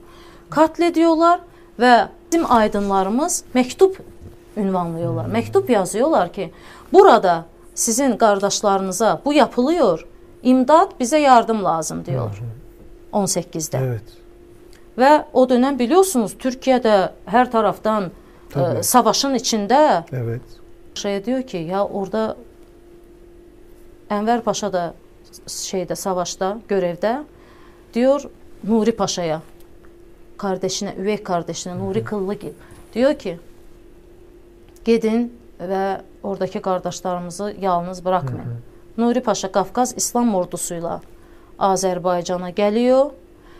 45 gün Gəncədə eğitim veriyorlar. Tabi Türkiye'den geliyorlar askerlerle ama oradaki bizim insanımız da vuruşmak istiyor. Tabii ki. Ç- şey yapmak istiyor. Eğitim veriyor 45 gün ve e, 1918'de Eylül'ün 15'inde bütün bölgelerimizi kurtara kurtara Bakü'ye geliyorlar ve galibiyetimizi elan ediyorlar. Temizliyorlar o Evet. e, düşmandan e, Azərbaycan topraklarını. Tabi çok büyük bir katliam olmuştu Azərbaycanda. E, çoluq, çocuq, yaşlı, əlində silah olmayan insanları katletmişlerdi. Toprak uğruna, yəni istiyorlardı, o bölgəni istiyorlardı, Azərbaycanı istiyorlardı və 1918 15 Eylüldə dahi bəstəkar Zeyir bəy bu gün Azərbaycanda Bakıda Bakı valiliyi olan sokaq İstiqlaliyyət sokağıdır. O sokaqdan başdan Nuri Paşa Qafqaz İslam ordusu arxasıca millət qarşılıyor zəfərlə. Girdiyində Əhməd Cavadın sözləri önündə Of. bəstəliyor. Of. Çırpınırdın Karadeniz. Yəni bu tarixdir, biliyor musunuz? Valla dayanamayacağım. Bu ne ya? anlatıyorum da insanları. Dur bir kendime geleyim iki dakika. evet. Ay. Çok fena ya. Amma bunları bilmək lazım, biliyor musunuz? Oh. Bu nasıl bir sohbet böyle ya? Çok acayipsiniz vallahi var ya. Yəni nə deyim valla, bunlar bizim tariximizdir. Ya də. çok haklısınız. Onun yani üçün gerçekten şimdi baxın, başka siz, bir şey çıkıyor ortaya. Siz bilmədiyinizdə bu tarixi, bu hər kəsə aiddir. Anonim də yazarsınız. Doğru. Bu anonimi yazdığınızda siz o zaman o insanlar vardı ya, o məfkure insanları, şey hansılar ki bu torpaqlar üçün, bu millət üçün, bu bayraq üçün, bu sanat üçün canını fəda etmişlər. Doğru. Biz bu gün onların tozun tozuyuq. Yəni biz bu gün artıq e, sərbəst konuşa bildiyimiz bir azad Özgür bir özgür bir e, dönemdə ölkədə yaşayırıq. Belə kolay-kolay konuşuruq. Amma onlar konuşamıyorlardı. Onları kurşuna diziyorlardı ya o yıllarda. Bəstəliyor çırpınırdın Karadenizi. Mənə hər sorduqlarında mən diyorum ki, mən o məfkure insanların, o böyük şəxsiyyətlərin haqqı yerdə qalmasın deyə bunları öyrəndim. Üzeyir bəyin haqqı yerdə qalmasın. Evet. Əhməd Cavadın haqqı yerdə qalmasın deyə bunları borc bildim kəndimə. Tabii ki ben çırpınırdın Karadeniz'i farklı söyleyemem artık değil mi? Mümkün Çünkü değil. ben o insanların bütün hayatlarını öğrendim. Nasıl onları kurşuna dizmişler. Əhməd Cavadı 37'de nasıl güllələmişlər. Əhməd Cavadı kurşuna diziyorlar. Bütün ailesini sürgün ediyorlar. Və o sürgün əsnasında onun eşi Şükriyə xanım ə, ilgilənsəniz məsələn ə, Əhməd Cavadın Şükriyə xanım üçün yazdığı sözlər də var. Daha sonra bəstələndi Emin Sabitoğlu tərəfindən, bi- bizim gözəl bəstəkarımız tərəfindən. Şükriyə xanım çocuqları da o sürgünə getməsin deyə insanlar Sovet dönəmi idi də daha artıq bax böyle şeylərin üzərindən o Sovet kuruluyor. Bu qədər aydın öldürülüyor. Kuruluyor Sovetlər və insanlar vatan haininin çocuğu gibi bakmaya başlıyorlar onların çocuklarına və mən araşdıra-araşdıra buldum ki, Əhməd Cavadla Şükriyə xanımın çocuklarına Ana xanım ismində bir onların akrabalarına bir hanımefendi sahib çıxıyor. Yıllarla Şükriyə xanım sürgündən dönənə qədər o çocukları büyütüyor. Siz biliyor musunuz? Ben de pasaportta ana. Öyle. Bunları araştıra-araştıra ben her dam her daim diyorum ki hayatta tesadüf deyilən bir şey yoktur. Evet. Doğru diyorsun. Ortaya çıkardığımda şoke olmuştum ben. O da ana hanım. Ben de ana hanım. yani bu öğrenin, okuyun. Bizim tariximizdir bu. Bu bizim hekayələrimizdir. Bu bizim hayatımızdır. O insanların hayatı bizim hayatımızdır, biliyor musunuz? Çünki onlar bizə elə böyük bir miras qoyublar ki, vatanı, torpağı, bayrağı, sanatı, ədəbiyyatı müthiş. O zaman ne oluyor? Siz insan oluyorsunuz gerçekten biliyor musunuz? Çünkü Doğru. e, biz diyoruz ya sen kendin yanırsan ama başkasının yanğısına üreğin yananda sen insan olursan. Tabii ki. Tabii Yani ki. bunları bildiğimizde biz artık başka dünyadan bakmaya, başka açıdan bakmaya başlıyoruz hayata. Çok güzel, diyorsun ki vallahi. bu hayat yaşamağa değer. Evet. Çünki sən öyrənirsən və öyrədirsən. Səndən sonra gələnlər də davam ediyor. Bu gün sən desən ki, məsələn, çırpınırdın Karadəniz ə, yasaqlı ə, öyrən öyrənilməmiş, bilinməmiş bir əsər idi. Bu gün hər kəs çırpınırdı Karadənizi söylüyor. Düyünlərdə də söylüyorlar. Doğru. Büyük sahnelerde de söylüyorlar. Devlet erkan, erkanının önünde de söylüyorsunuz. Amerika'ya da gidiyorsunuz söylüyorsunuz. İnsanlar sizi ayakta alkışlıyorlar. Ve bu Azerinin değil. Belki Azer'in kazandırdı bunu. Hı hı. Ama Azer'in değil ya. Bu bir milletin mirasıdır. Sizden sonra gelenler söylemiyorlarsa onu siz hiçbir şey yapmamışsınız hesap edin. Mutlaka zincirle devam Tabii, etmesi gerekiyor. Bugün yapıyorlarsa, söylüyorlarsa ve herkes gurur hissiyle diyorsa Hı-hı. ki ben işte Türkəm, benim milletim bu eseri yarattı, ortaya çıkartmış, miras koymuş. Demek ki siz anlattınız, sizden sonra gelen sələfilər deyirlər də, değil mi? Hı-hı. Olması lazım. Yoktusa Hiçbir boşuna. yok. Vallahi var ya inanılmaz güzel. Yani ne diyeceğimi bilmiyorum. Böyle kaldım. Hiç böyle sohbet yapmadım Biliyor ben musunuz kimseyle. ben yani, e, e, məni davet ettiğiniz için işte e, bazı şeyler var e, hayatta siz onu e, yapıyorsunuz ama o şey yoktu da e, altyapı yoktu ki siz bunu bir de içinizde olan bazı şeyler var onları söyleyebilirsiniz. Hı hı. Bazı şeyler var heç söyləməməniz gerekir. Ancaq siz mən buna çox inanıram. Öldükdən sonra bilməsi lazım insanların. Bizim bir bizdə bəzən e, bir cümlə var onu deyəcəm. Gülürük də buna, amma da həm də biraz da acı, acı bir şeydir. Amma Sovet dövründə böyük sanatçılardan sanatçılar derlərdi ki, ya bu qədər yapdın, etdin, amma heç qədir qiymətini hmm, bilən bilmir. yoxdur da, hə? O, der, o o sanatçı da dərmiş ki, bizim ölkəmizdə yaşamaq üçün ölmək lazım. Allah. Onun alt yapısında da aslında çox mükəmməl bir şey duruyor. Biraz dəliqanlı olmaq lazımdır bunları anlamaq üçün. Siz dəliqanlı olduğunuzda sizə nə qədər şey yapıyorlarsa, müqavimət yapıyorlarsa, siz də dəli gibi o müqavimət, müqavimətin önünə atlıyorsunuz. O zaman siz çok güzel şeyler üretiyorsunuz. Doğru. Verebiliyorsunuz insanlara. Size teşekkür edir, ederim ki siz biraz bu konunun e, o tarafını açtınız. Vallahi Açılmayan bilmiyorum. çok şeyler var. Eminim o var. da öldükten sonra açılır inşallah. Aa, ben öl, ölmeyi beklemem bunun için. Yani siz Biliyor musunuz? E, ölmeyi beklemek istemem yani böyle şöyle bir şey, bir şey için. var. Hmm, siz imanlı insansınızsa eğer e, siz aslında ölmüyorsunuz. Hmm. Çünki əbədi deyilən bir dünya var. E, orada sizə verilən əmanətləri bu dünyada nasıl kullandınız acaba deyə sorulacaq. O əmanətlər verildiyi gibi gerçəkdən də insanlıq üçün, vətənin üçün, millətin üçün, e,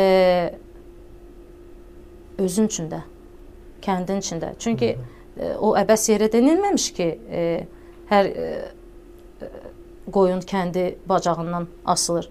Biz bu dünyaya tək gəlirik, bu dünyadan da tək gedirik. Sorğu-suala da tək şey çəkiləcəz, deyilmi? Yəni onun üçün vicdanınızla hər daim hesablaşmanız lazım. Nasıl yaşayıram acaba mən? Valla ben diye. şimdi ben buraya sohbet etmeye geldim. Sohbet değil. Yani e, ve başlangıçta dedim ya bizim kanalımız bir eğitim kanalı dedim. Evet. Ama kanalı falan ben boş verdim. ben bugün sizden eğitim almaya gelmişim Azer'in Hanım. Gerçekten müthiş. Yani, Kendimi şanslı hissettiğim eğer bir günde. bir şeyler gerçekten müthiş. de verebildiysem ne mutlu bana ama her zaman da diyorum ki Allah utandırmasın. Biz hepimiz insanız. Heç, heç birimiz mükemmel değiliz. Hepimizin hayatında saf, səhvlərimiz var da, yəni yanlış yapacağımız bir şey var. Amma Allah Taala bizi o yanlışlardan qorusun. Bütün bu yanlışların önünü alacaq da ən böyük məhfum sizin əqidənizdir. Hı -hı. Yəni əqidə gerçekten insana əqidə şey yapabildimmi? Yəni əqidə sizin içinizdə aslında anlıyorum. Akide deyirlər də ona. Tam olarak e, e, anlatabildim mi acaba? bir bütün olarak sizin Hı -hı. yaşadığınız, yansıtdıqlarınız Hı -hı. başlanğıcda və son nöqtədə aynı olması Hı -hı. lazım. Əqidədir o. Yəni o əqidə ilə əgər siz yaşaya biliyorsanız, bunun için də böyük arzularla yaşamamaq lazım. İnsan çox böyük arzularla yaşadığında o arzulara e, çatsın deyə yanlış şeyler yapıyor. Bir şey soracağım size. Evet. Siz böyle böyle bir ruh, yani böyle bir bakış açısıyla nasıl yaşıyorsunuz? E, yaşıyoruz. Bizə dəli deyirlər də. Gerçek öyle bir bakış açınız var ki konuşmanız, anlattığınız ve yani ne anlatsanız çok güzel ve doğru. Her şey doğru. Ama bununla yaşamak da çok zor. Amma e, tabii zor. Hiç kolay değil. E, ya. zor. İşte o də Ha, o size şimdi- yenmək üçündür də. Yəni o zorluqları o əqidə ilə yeniyorsunuz və əlbəttə bütün bu yaşamın içində də yenə dediyim kimi sanatçısanız əgər, yəni mən e, yenə diyorum, mən həyatımda 5 yaşında nasıl başladımsa, e, mənim həyatımda başqa hangi yol kəndimə e, gedə bilirəm, peşə bu peşə seçə bilirəm olmadı. Ben 5 yaşında sorur, sorurlar bana kızım büyüyende ne olmak istiyorsun? Kim olmak istiyorsun? Ben diyordum sanatçı olmak istiyorum. Allahu Teala bana niyetime göre diyor niyetin hara menzilin orada. O yolda e, kapılar açtı. Milyonlarca dəfə şükürlər olsun ki, heç bir zaman ətrafımda kötü insanlar olmadı. Və e, çox iyi öyrətmənlərlə mən e, istər Sovet dövründə, Evet. istər ondan sonra öyrətmənlərlə e, çalışdım. Bana çox doğru şeylər öyrətdilər. Amma hər şeyin başında insan olaraq siz kəndiniz kəndinizi çiziyorsunuz.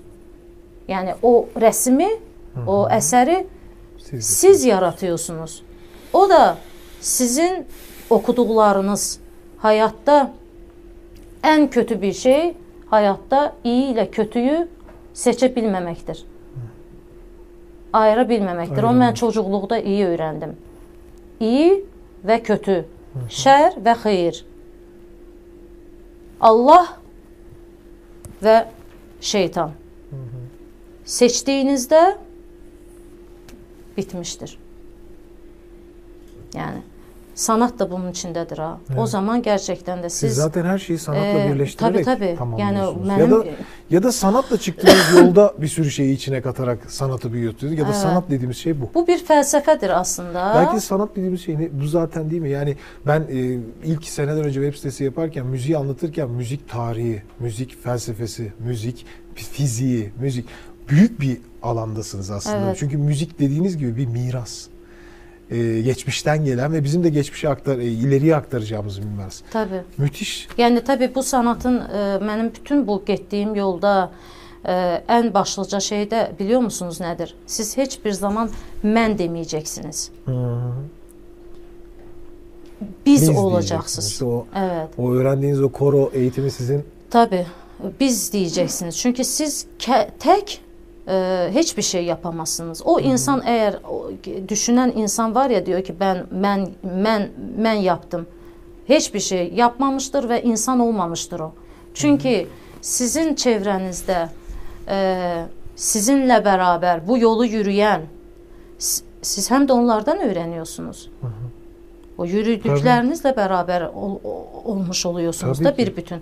Öğreniyorsunuz ve kadir kıymet de bileceksiniz. Bilmediğinizde o zaman siz hiçbir şey olmuyorsunuz. Yani ne sanatta ilerleyebilirsiniz ne de bir insan olarak e, bir bütün yani gerçekten bir şahsiyet olamazsınız yani. Ben e, Ankara'ya gelirken aklımda şey vardı. Diyordum ki ya 23 Nisan'da ya çocuklar için ne yapabilirim diye çok düşünüyordum. Ya ben bu kadar e, sizden gelen böyle bir güzel bir şey bırakabileceğimi hiç düşünmemiştim. Çocuklarımızın bayramı mübarek olsun. Evet. Biliyor musunuz? Süper. Bu dünyanı biz onlar için yaratıyoruz. Biz onlara ne bırakıyoruz acaba? Ee, ki onlar mutlu olsunlar. Evet. Biz büyüklerden asılıdır her şey ki çocuklar mutlu büyüsün bu dünyada. Ve gerçekten de o çocuklar bizim geleceğimiz diyoruz ya. Gidici gideceğiz de hepimiz. Bizden sonra çocuklar bize küfür etmesin.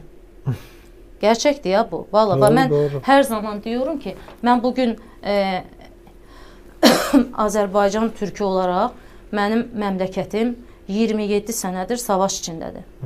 Və torpaqlarım işğal altındadır. Yarın məndən sonraki gənclik mənə küfr etməsin deyə o torpağı bu gün benim kazanmam lazım.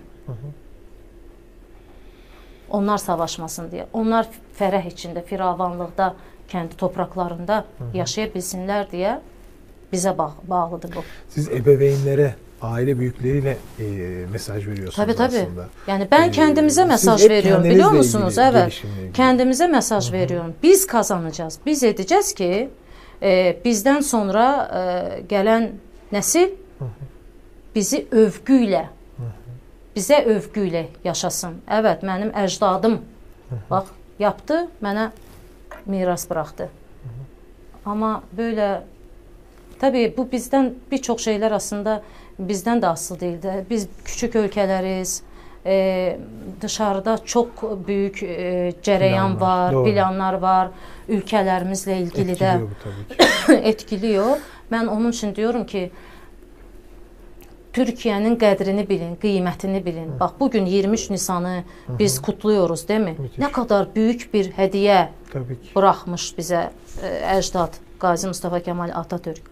Amma sadəcə bizim cümhuriyyətimizlə də bitmir ha bu. Tabii. Bundan öncə də dünyaya haykıran bir Osmanlı böyük bir Türk milləti var. Vardı demiyorum, var. Bu tarix hepimizin tarixi. Bunun hepsine sahip çıkacağız. Azacık bir yerde bir şeyi unuttunuz mu? Eksik kalıyor. Gör, göreceksiniz ki sizin değil ha artık. Çünkü bunu da- dışarıda güzelce İşliyorlar bekleyip, zaten, işleyip ortaya farklı çıkaranlar var da. Haklısınız. Kendi adına çıkaranlar var. Onun için her yönümde, her yönümde e, kafamızı çalıştıracağız. Ana- analiz yapacağız, iyi analiz yapacağız. İstersen sanatçı ol, istersen kim olursansa ol. Sen önce insansın, sonra da bu vətənin, bu millətin bir fərdisin. Onun için ölkəmizi sevməliyiz və dışarıdan görməyi becərməliyiz biz bu ölkələri. Birliyimiz üçün, bərabərliyimiz üçün. Tabii hər ölkənin içində problemlər vardır, amma dışarıdan biraz kəndimizi görməyə becərəlim. Onu gördüyümüzdə biz gerçekten de bu coğrafyada Türkiye'nin çok büyük bir səsə və sözə sahib olduğunu görəcəz. Və Türkiyəmizin belə duracağız arkasında. Devlətimizin, millətimizin, bayrağımızın var olması için hər şeyi yapacağız. O 23 Nisanda da yıllardır kutlanan o bayram sadəcə gördüyünüz kimi sadəcə Türk çocuklarına değil, Dünya bütün çocuklarına. dünya çocuklarına ilk olmuş, ön, öncü olmuş ve bırakılmış bir mirastır. Bizim çocuklarımız, dünya çocukları mutlu olsun. Hiçbir yerde çocukların gözü yaşlı olmasın.